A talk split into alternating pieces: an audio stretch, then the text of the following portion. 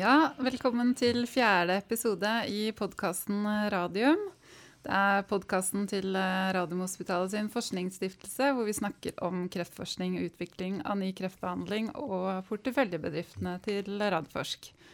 Og som vanlig i studio så er det Elisabeth Andersen og Jonas Einarsson. Velkommen, Jonas. Takk skal du ha. Morsomt å være i gang igjen. Så bra. Det ble et litt lengre opphold denne gangen òg. Jeg, jeg skal ta det på min kappe denne gangen. Vi tar det annenhver gang. Vi tar det annenhver gang, ja. Vi hadde jo store planer, det er kanskje det som var problemet. Store planer om å sende fra DNB sin healthcare-konferanse.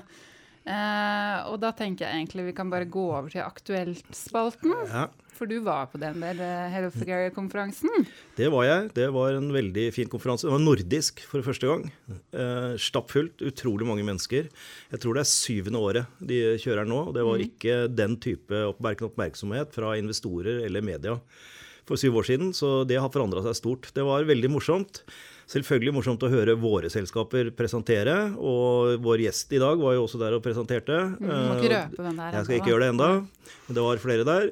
Eh, det som var litt spesielt der, syns jeg, det var å være med på den sesjonen hvor, hvor de norske Medtech-selskapene presenterte seg. Ja. For de hørte jeg også for syv år siden. Og da var det fryktelig mye app og dupp og dapp og sånne ting som ikke jeg skjønner noe særlig av. Men nå var det veldig bra. Altså på, også på den medisinsk-tekniske siden så gjør vi store fremskritt og virkelig er med. Så det var, det var ordentlig moro å, mm, å høre. Jeg tror han som vant, eh, eller han, selskapet som vant uh, innovasjonsprisen til DNB, Epigard, er ikke det det heter? Det var Epigard. Veldig, det er veldig spennende produkt. Ja, det er, det er, veldig spennende fordi det er sånn at det må være behovsdrevet hvis ja. man skal finne opp noe. Mm. Og dette var noen leger på OS, i, på OS ja. ja. Uh, som under den uh, siste ebolaepidemien, og når de da skulle frakte denne norske pasienten eh, norske sykepleieren til Norge, så viste det seg jo at det var kjempevanskelig å frakte pasienter med den type smitte. Eh, fordi det var, tok mer hensyn til de som var eh, utenfor enn de som var innenfor en sånn, en sånn voksen kuvøse. Mm. Og de har rett og slett bare gjort noen smarte ting. Det er liksom ikke noe sånn wow, sånn, men, men de har satt sammen en del smarte ting og laga et veldig bra transportsystem. Så det var, det var gøy. Ja, morsomt. Eh, noe annet fra, fra, DNB? Altså Healthcare, vi jobber jo mye opp mot de. Ja, altså eh, DNB er jo en utrolig viktig støttespiller og samarbeidspartner for, både for Oslo Cancer Cluster og ikke minst for, for Radforsk. Eh, og de har tatt Healthcare på alvor. Uh, og vært eneste, den egentlig første som, uh, av de norske bankene som, som tok Helker på alvor og har en egen avdeling og satser innenfor dette. Så det er en viktig støttespiller for oss. Mm. Ja, vi må invitere de i studio. Vi Absolutt. skulle jo hatt de, så da, ja. de, de, får, eh, de, får, komme snart. Ja. Men noe annet som har skjedd siden sist, var jo det at Oslo Cancer Cluster feiret sitt tiårsjubileum. Det gjorde vi, og det var veldig hyggelig. Og ikke minst se hva vi har fått til i løpet av disse ti årene. Fra en idé om at vi kunne lage en klynge, til en fungerende klynge. Mm -hmm. uh, I dag så fikk vi jo julenissen på besøk uh, også. Ja, I form av statsminister, form av statsminister Erna Solberg, uh, som kunne fortelle Dette har jo vært min, som du vet, min hjertesak nå de siste par årene, å sørge for at foreningen Oslo Cancer Cluster får også statlig støtte videre, når dette programmet de støttes av nå går ut til neste år. Eh, og det er kommet med. Eh, de har satt av 10 millioner kroner til å støtte norske helseklynger eh, i statsbudsjettet. Og der vil vi vende en spesiell takk til, til, Venstre og til Kjetil Kjenseth, ikke minst, mm. som har slåss igjennom den bevilgningen. Det er vi veldig fornøyd med. Og i tillegg en veldig spesiell hilsen til Anne Kirsti Fallvik i, i, Forskningsrådet, som har klart å få igjennom at Forskningsrådet også får lov til, nå av Erna Solberg og regjeringen, til å funde foreningen videre. Mm. Det gjør at vi kan fortsette den gode jobben som er blitt gjort i Oslo Kanskluster framover. Ja, det er, det er veldig, veldig bra. Eh, og jeg tenker at dette kommer til å bety veldig mye for altså, utvikling, fortsatt utviklingen av, av, innovativ kreftbehandling. Både fra forskersiden, men også for bedriftssiden. Det er jo det som er det viktige som Oslo Kanskluster gjør. Det er å legge forhold til rette for forskerne, for innovatørene, for gründere, for mm. investorer. Eh, og det, den eh, er en jobb som, som, er veldig viktig, selv om den kanskje ikke syns hele tiden. Men mm. den er viktig. Mm. Absolutt. Eh, og så må jeg bare også nevne at Annelise Ryel, generalsekretær i Kreftforeningen, holdt en fantastisk tale. Eh, vi hadde jo seminaret vårt på engelsk. Hun parafraserte den 'I have a dream' til Martin Luther King. Eh, og den ligger på hjemmesiden til Oslo Kansk Cluster, så kan gå inn og lese den. Og det samme gjør også Erna Solberg sin tale til Oslo Cancer Cluster. Så det anbefaler jeg hvis man vil ha noe å lese på i julen. Eh, men siden sist har du også blitt intervjuet i E24. E ja. Du er nå mannen som gjør medisin til gull. Ja, Hvordan føles det? Nei, det føles litt kleint. Det gjør jeg. Jeg ble møtt dagen etter på jobben med Jøss, der har vi alkymisten vår.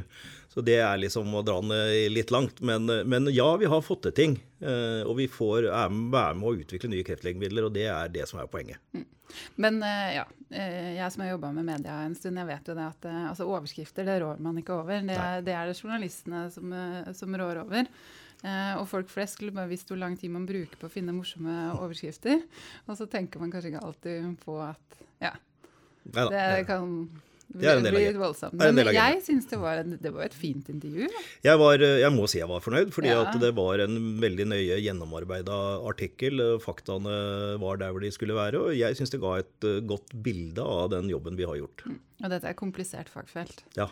Kan ikke si noe annet enn det. Eh, men du, du sa én ting der som eh, kanskje vi kan snakke litt om. For det er en fin introduksjon til denne hemmelige gjesten vår. Og det, det du sier er at alle porteføljeselskapene i Radfors kan bli et Algeta. Ja.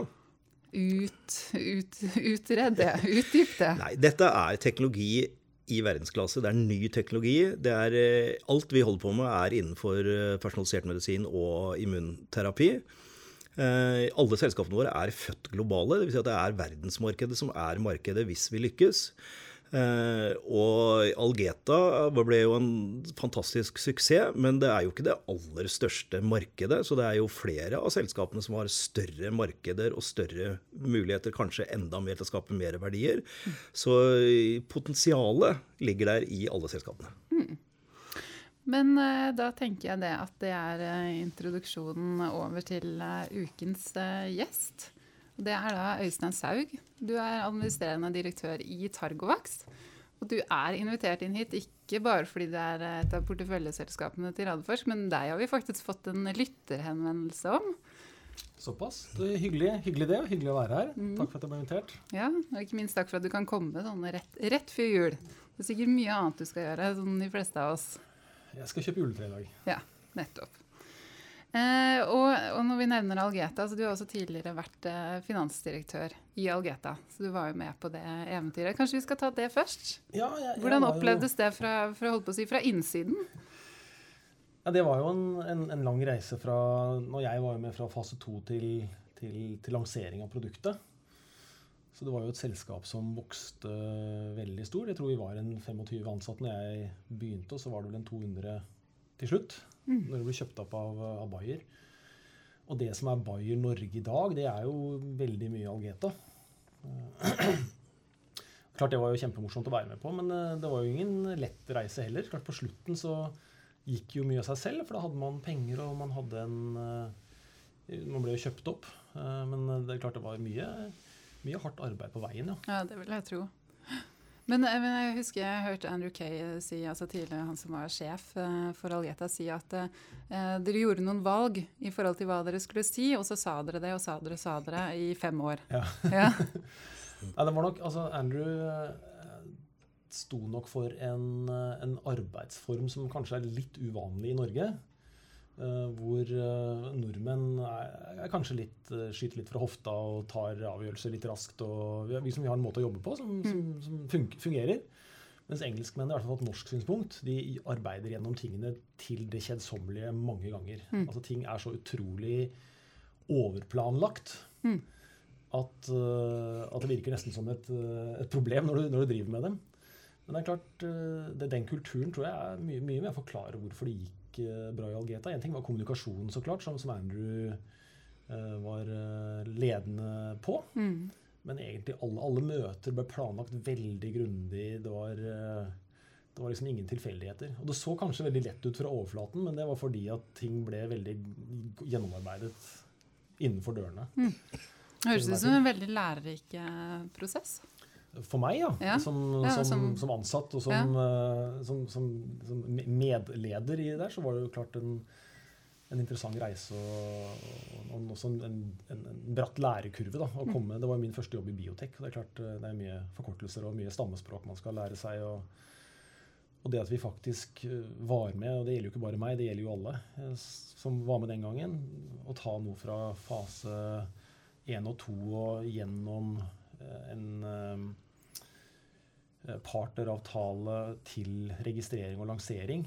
Og vi bygde jo opp en salgsapparat i USA, eh, egentlig på egen hånd. Mm.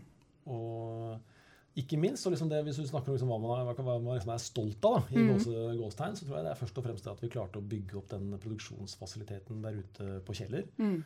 Hvor det i dag jobber jeg vet ikke hvor mange de har der, men et sted mellom 50 og 100 mennesker. er ikke? Bortimot 100. Så det syns jeg har vært ordentlig morsomt å være med på å starte du, varige arbeidsplasser i Oslo-området. Det, Ja, det er kjempebra. Og for dette er jo veldig avansert produksjon av en radioaktiv eh, medisin.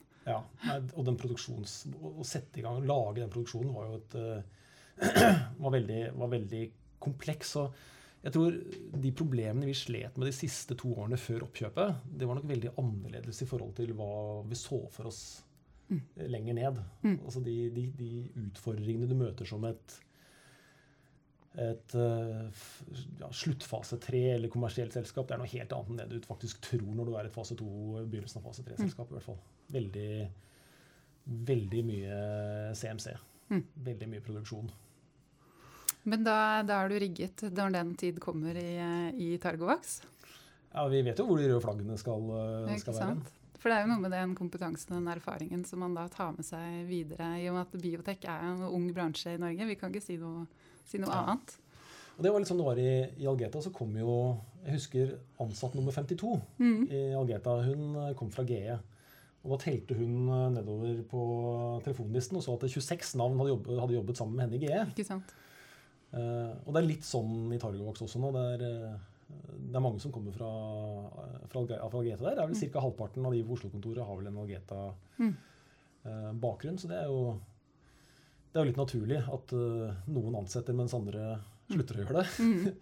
Ja, men den mobiliteten gjør jo det at du får den kompetansehevingen i andre selskaper, ikke sant? Ja, og det tror jeg føler liksom I Norge og i Oslo-området så er det, er det bra. Det er mange som har eh, mye nyttig erfaring. Det er, eh, det er lett å finne relevante mennesker i, i Oslo-området Mm. for, eh, for biotek. Så bra. Men uh, Targovax, litt mer om selskapet og hva dere gjør. Altså, dette er jo et selskap som har røtter fra Norsk Hydro sitt institutt for kreftforskning, faktisk. Ja. Her på Radiumhospitalet. Og, og det fins, så vidt jeg vet, så fins det vel mennesker i dag som lever fordi de har fått eh, behandling eh, d- den gangen da. Nå må du komme inn eh, på sidelinjen Nei, men det er, det, er, det er helt riktig. Eh, De som vi behandlet eh, i veldig tidlig fase, de er jeg slett ikke sikker på lever i dag. Men, men, men, men vi, vi så jo at allerede den gangen at vi fikk folk som overlevde i mer enn ti år i diagnoser de ellers ville dødd av. Det var veldig små pasienttall og veldig usikkert om dette virkelig skulle vise seg å være riktig. Og det er jo det Øysteins jobb nå, er å vise at det, det var riktig i, i, eh, i nye studier. For det Hydro gjorde, var jo å vise, som Jonas sier, en, en, en litt overraskende overlevelse på en pasientpopulasjon på det er vel 20 pasienter da, som man valgte ut til slutt. eh, I en monoterapisetting. Så det som vel er, eh, var ideen når, når dere på Jonas, eh, startet selskapet i, i 2010, det var jo å se om jeg kunne replikere de samme dataene i en mer kontrollert klinisk studie i kombinasjon med kjemoterapi. Helt riktig. Det var liksom ideen. Og jeg føler at der har vi vel eh, kommet delvis i mål. Altså Nå skal vi ha toårsdata på den studien eh, til våren. Altså Vi guider på at det skal skje i første halvår.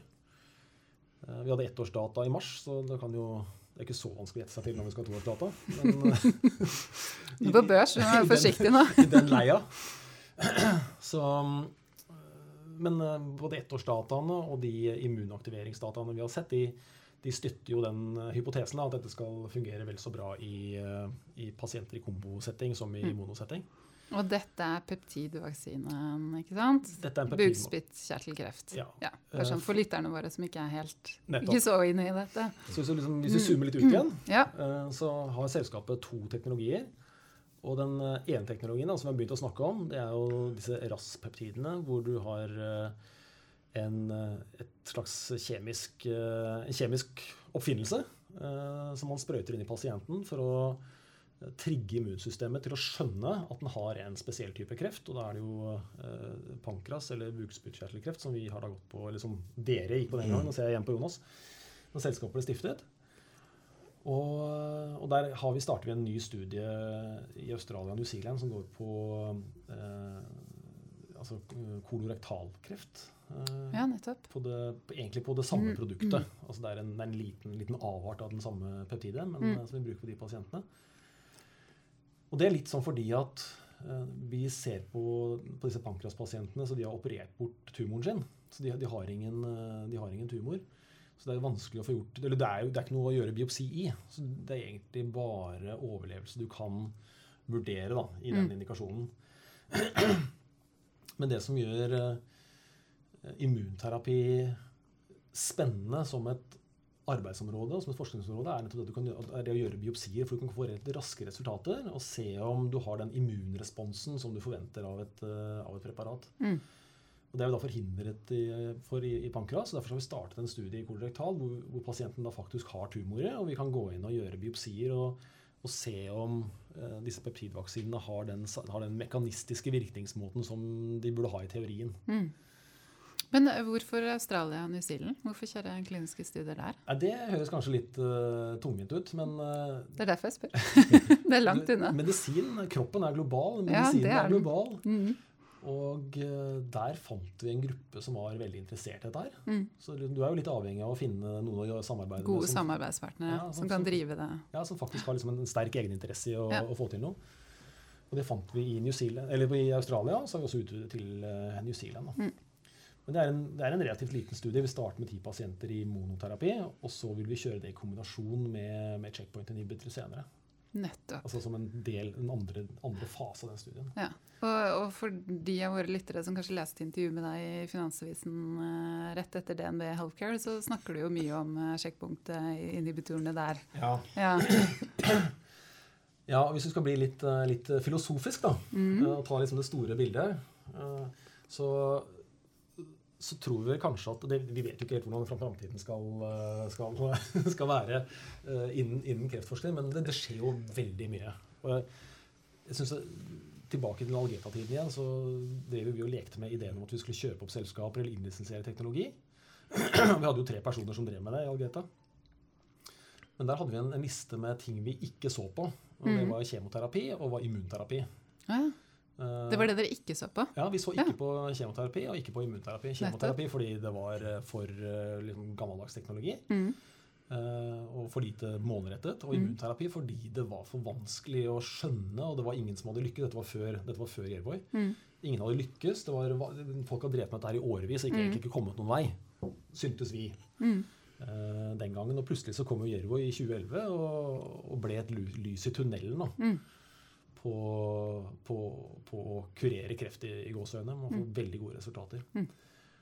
Og, og der var det liksom Dette her har man sett i, i, i hiv og aids. eh, at, man har, at pasientene har på en måte sluttet å dø. At man har klart å sette dem på en cocktail med, med medisiner som holdt pasienten i live. De blir kanskje ikke kurert, de blir kanskje ikke friske på samme måte som de var før de ble syke, men de, du, får en, du får en kontrollert sykdom. Da. Mm. Og det som checkpoint-inhibitoren har, eh, har eh, brakt med seg, er mer et håp om at du skal komme eh, inn, i hvert fall i mange kreftindikasjoner der hvor hiv er i dag. Mm.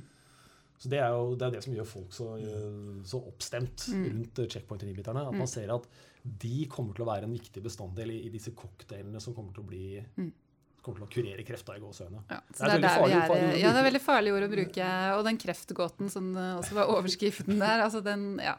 Det er jo journalister veldig som snakker om Ja, Desken i kreftgåten. Finansavisen får vel ta skylda for det. Ja. Men, eh, men eh, det skjer noe som det er mulig å beskrive i den retningen akkurat nå. Da, og det har det ikke vært i, i kreft før. Så det er, eh, så det er, det er veldig spennende, det som skjer.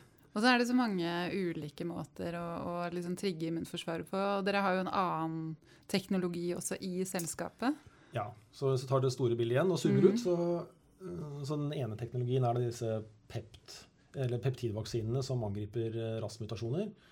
Og RAS-mutasjoner, det, det, det, er jo det som de to studiene vi har snakket om allerede. RAS-mutasjonen det er en, en, av årsakene, en av de liksom, underliggende årsakene til at, man, at, kreften starter. Det er jo flere ting som kan forårsake at en kreft begynner, men dette er en av de. Mm.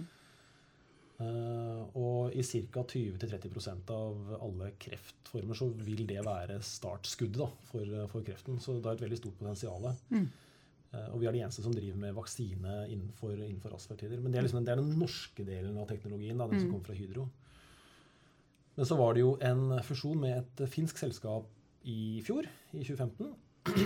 Og de hadde da en virus, uh, onkolytisk virusplattform eller et produkt egentlig, som mm. Eh, kom fra Universitetet i Helsinki. Som de har hatt en fase 1-studie på. så Der fantes det fase 1-data i tolv pasienter som viste at de klarte å immunaktivere pasienten på en, på en, god måte. Og For å gjøre en lang historie kort, så er det, er det mye av det samme som skjer eh, med, som i peptidvaksinene. Altså du klarer å eh, lure immunsystemet til å, eller du, du lurer immunsystemet til å skjønne at det er en kreft der, og den vil da klare å, å, definere kreften og produsere nye T-celler, slik at den kan angripe kreften, som den da ikke gjorde før, før behandlingen. Mm. Men dette er en onkolytisk virus som du sprøyter inn i tumoren. Og så lyser du cellene.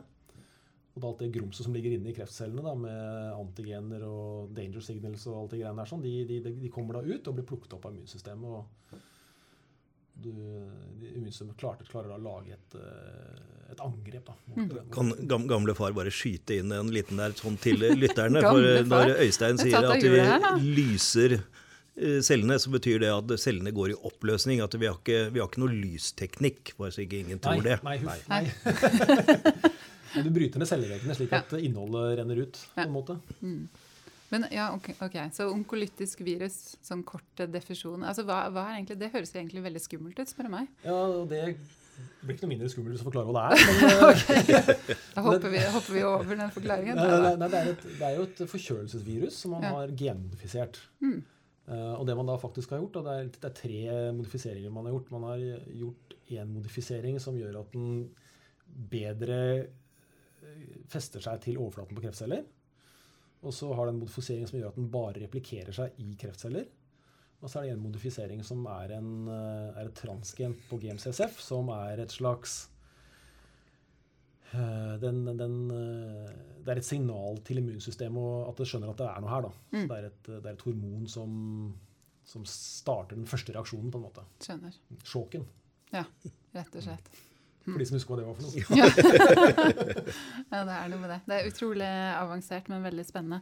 Um, hva kan vi forvente av dere framover? Altså, nå skal det sies at dere er på børs, så det, det er jo begrensa hvor mye framover vi kan prate. Men noe har dere kanskje sagt ja, at vi kan forvente? Ja, nei, vi har Det er begrenset hvor mye hemmeligheter har lov til å holde også. Ja, det er, sant, det. Det, det er jo avveiningen der. Ja, det, mm. Undertøyet henger til tørk utendørs. Det, det, er sånn det er å være på børs. Men vi har, vi har fem eh, studier som vi er i ferd med å starte. Totalt har vi seks. da, Den ene pankrasstudien, mm. bukspyttkjertelstudien, den er jo ferdig rekruttert, og der venter vi bare på overlevelsesdata. Så vi har liksom fem aktive studier. Um, og der er det jo én som allerede har startet. Uh, det er i mesotelion. Mm. Som det er da en um, Hva er det? Det er lungesekken. Ja. Så det er en, den hinnen som er rundt lungen. Mm. Og den er vanskelig å behandle. Eh, og det, finnes, det er en ganske liten indikasjon. Eh, det er ikke mange, er ikke mange tusen mennesker i året som mm. får den, eh, den sykdommen. Det er nok mm. også knyttet litt mot asbest eller andre typer okay. forurensninger. Så en orphan drug. Veldig orphan. Ja. Og der er det lite som pasientene kan dra nytte av. Så der kjører vi en litt sånn klassisk første skritt på en registreringsprogram. Altså en 30 pasienter med en 6 pasient lead-in, og så er det to armer, og så sammenligner vi med, mot uh, standard of care. Mm. Som er kjemo. Så du, du får førstelinjebehandling her egentlig på disse pasientene. Mm. Og der tror vi at hvis vi, hvis vi, får gode resultater her, så vil det kunne lede til et nokså kort og greit løp mot en registrering. Mm. Relativt sett, i og med at det er stort klinisk behov og, og, lite som skjer. og Lite muligheter for pasientene. Mm. Men det som vel er det viktigste for oss uh, nå, det er en annen studie som vi uh, kommer til å starte på nyåret, som er i, i, melanoma. Og for de som har eh, litt kjennskap til immunterapi, de vet jo at det er i melanoma ting, ting skjer. Mm. Er, eh, det er den, Hudkreft. Ja, Ja. Det er den arenaen som, hvor det er lettest å få resultater. Så det er der veldig mye av forskningen foregår. Og det var jo en, en dødsdom for ikke mange år siden å få, få hudkreft. Men nå så ser man at med din, de beste kombinasjonsterapiene, som er standard ok i USA allerede, Mm. eh, så vil du ha en 50-60% overlevelse, eller i hvert fall respons da, Mm. på, på det at du holder folk i, i live. Og det er jo da kombinasjoner av disse checkpoint-inhibiterne. Men likevel så ser man jo at eh, de som da ikke reagerer på dette, her, ca. halvparten, de, de har jo ikke noen gode alternativer. Det er kanskje kjemo. Kjemo har en responsrate på 15 for disse pasientene. Mm. Eller så er det liksom smertebehandling. Mm. Så veldig mange av, av eh, forskerne og praktikerne innen feltet de, de, de leter etter kombinasjonsmuligheter med checkpoint-inhibitere. Ikke bare checkpoint-inhibitere med hverandre, men med andre terapier, for å se om du kan behandle flere pasienter. Mm.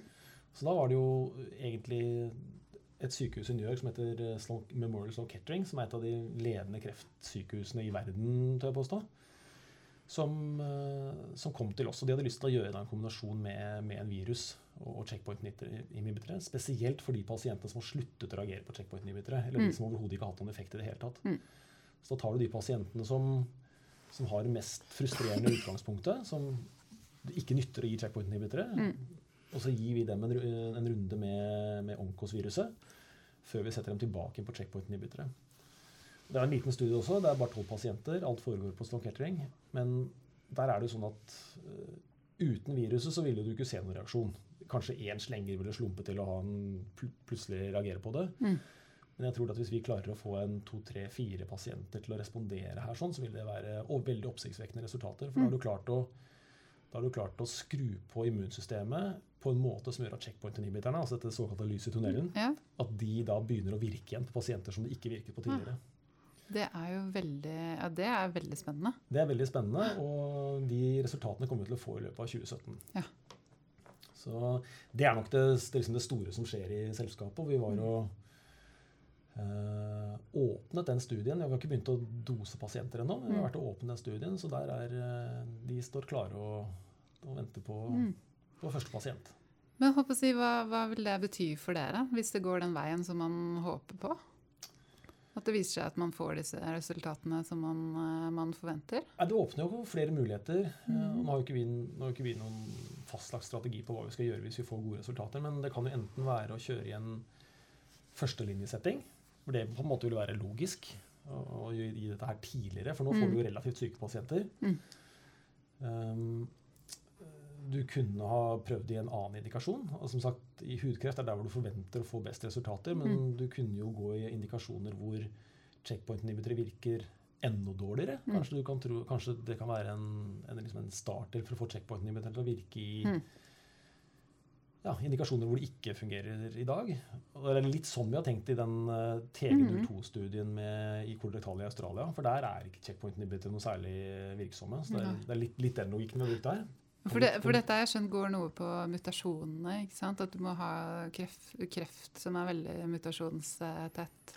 Ja, og det er jo melanom. Og det er, Ja, det, er det som er melanom. Ja. At den er veldig Men sånn som kolorektal er litt mer sånn genetisk eh, spesifikk. Jeg, men, jeg husker i fjor, eh, Jonas, når vi hadde Gordon Freeman her, han som oppdaget eh, disse checkpoint-inhibiterne, så var det nettopp dette han snakket om i forhold til responsraten på ulike typer kreft. Ja da, de, de har jo gjort det. og de, det er en sånn veldig kjent figur som viser hvor mye mutert Ja. eh, kreftcellene er. Altså hvor, hvor mye gærent det er med de. Ja. Og jo mer gærent det er med de, f.eks. i føflekkreft, som vi snakker om, Som er jo da Så- indusert av sollys, ikke sant? det er av skade, ikke sant, av sollys. Og det paradoksale er at innen lungekreft så er det de som har tidligere storrøykere, som har best respons på checkpoint-inhibitor. For de har mest skade i sine celler. Så, så det, det er helt riktig. Og da, da betyr det at uh, checkpoint-inhibitorene virker, ser det ut som, dårligere og dårligere der hvor det er mindre mutasjoner.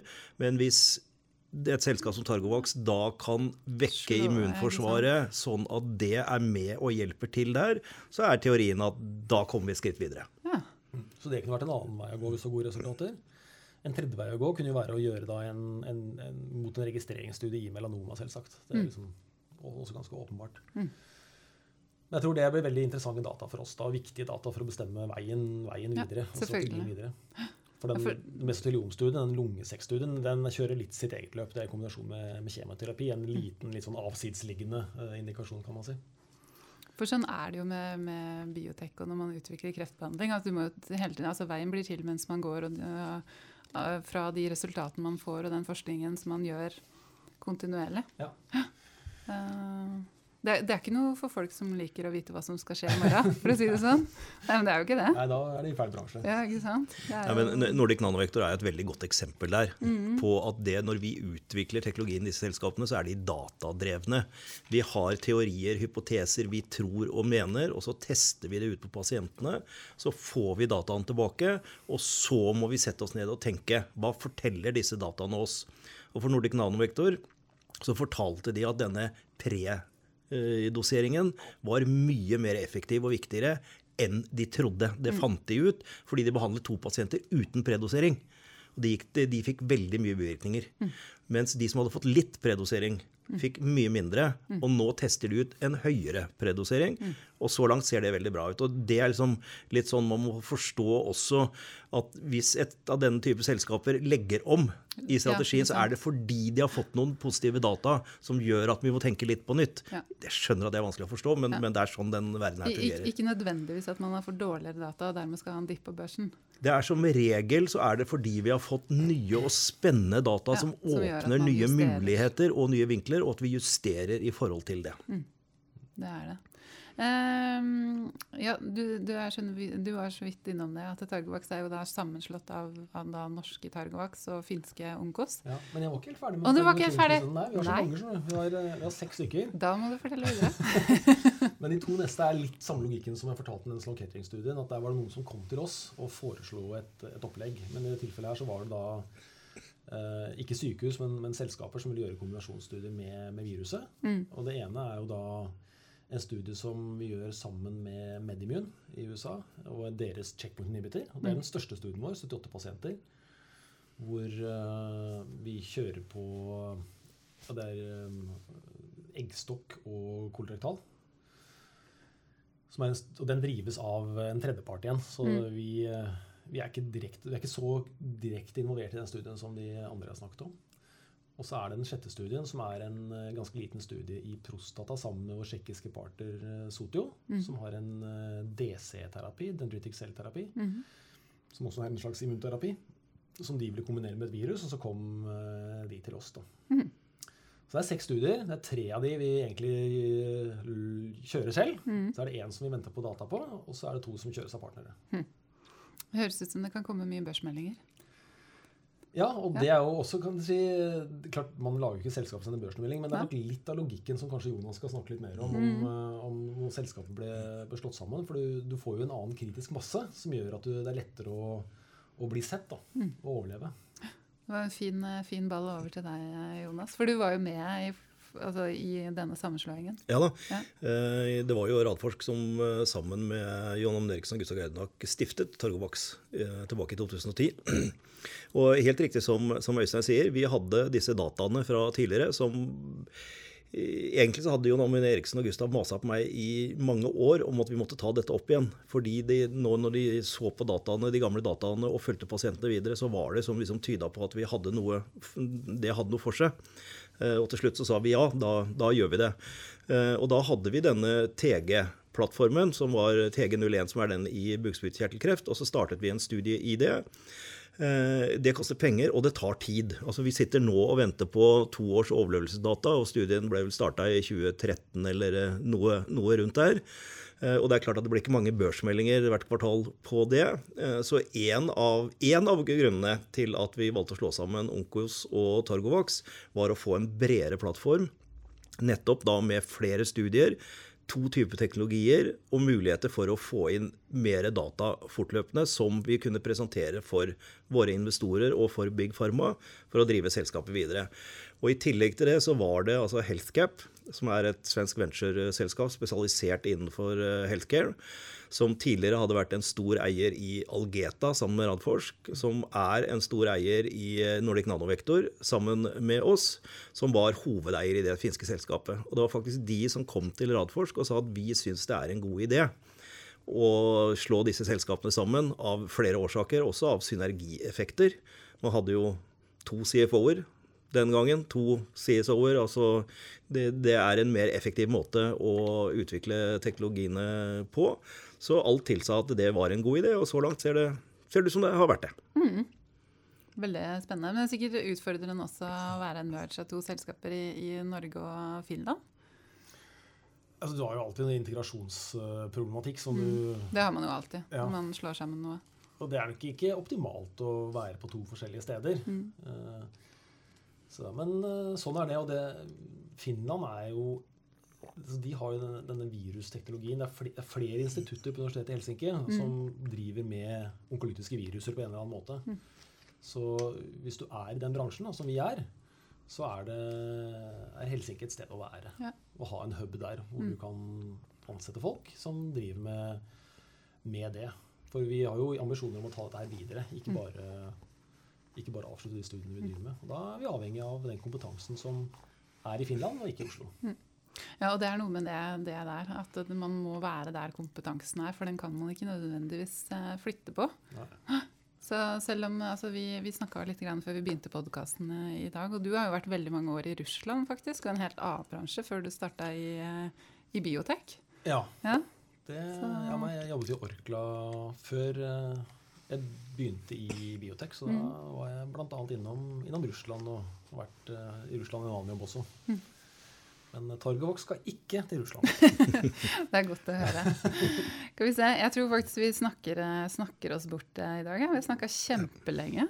så jeg tror vi må begynne å si tusen takk. Så må si tusen takk til deg, Øystein Saug, for at du kom i studio. Det Følte det var egentlig veldig mye egentlig å prate om, men eh, så, sånn er det når man først kommer i gang.